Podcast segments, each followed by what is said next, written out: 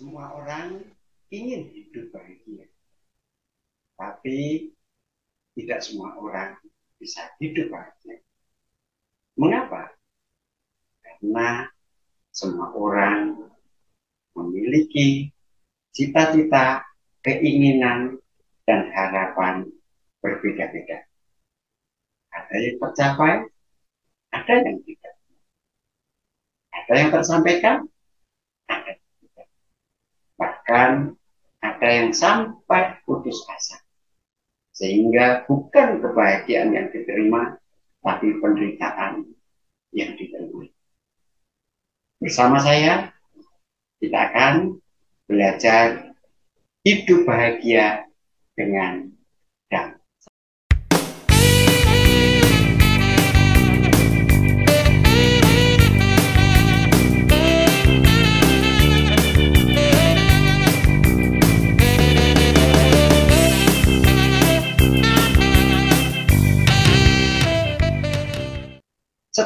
Umum, kebahagiaan dapat diartikan sebagai keberhasilan seseorang.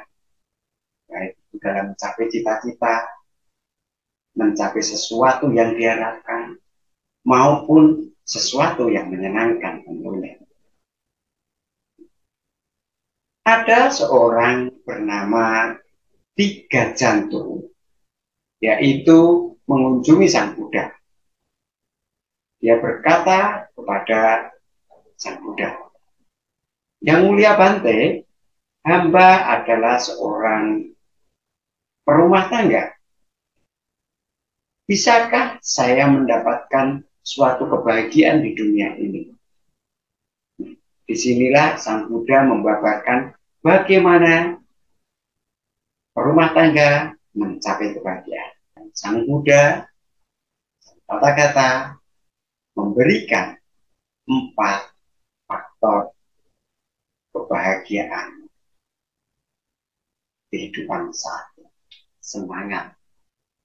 Dengan semangat, orang bisa mencapai cita-cita. Dengan semangat, orang bisa bekerja dengan maksimal.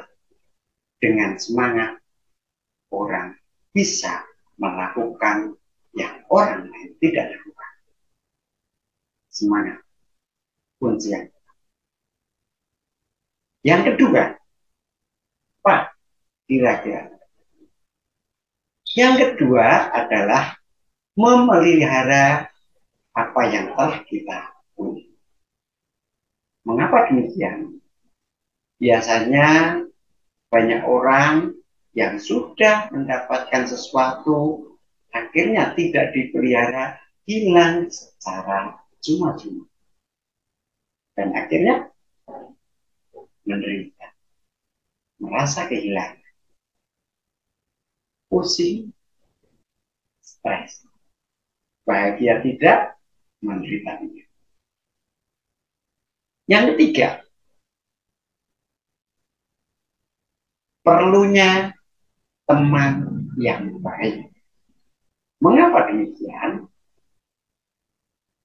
Teman yang baik akan membawa kita kepada ketenangan teman yang baik akan membawa kita kepada kedamaian.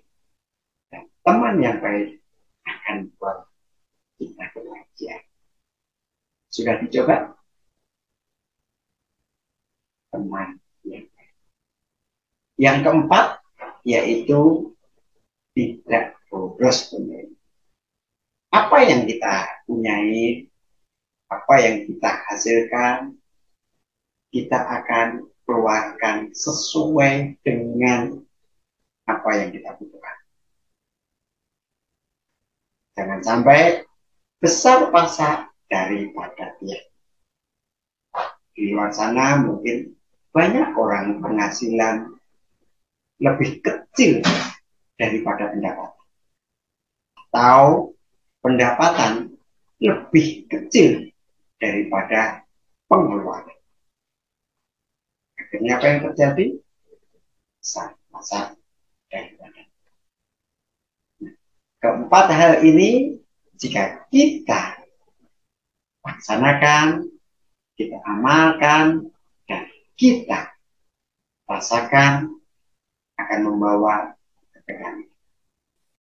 Walaupun seorang hidup 100 tahun tetapi malas, tidak bersemangat, maka sesungguhnya lebih baik hidup satu hari berjuang dengan penuh semangat. Nama pada bab 8 112.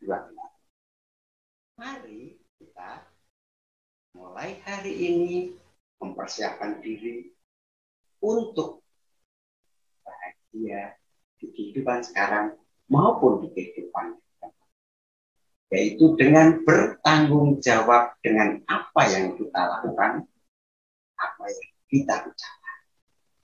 Kebahagiaan bukan jatuh dari langit.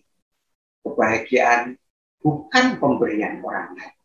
Kebahagiaan adalah tanggung jawab kita. Tanggung jawab bersama. Mari kita maju tanpa ragu dengan belajar mempraktekkan ajaran dhamma sehingga kebahagiaan kehidupan sekarang maupun kehidupan akan datang akan selalu bersama kita. Salam dalam dhamma.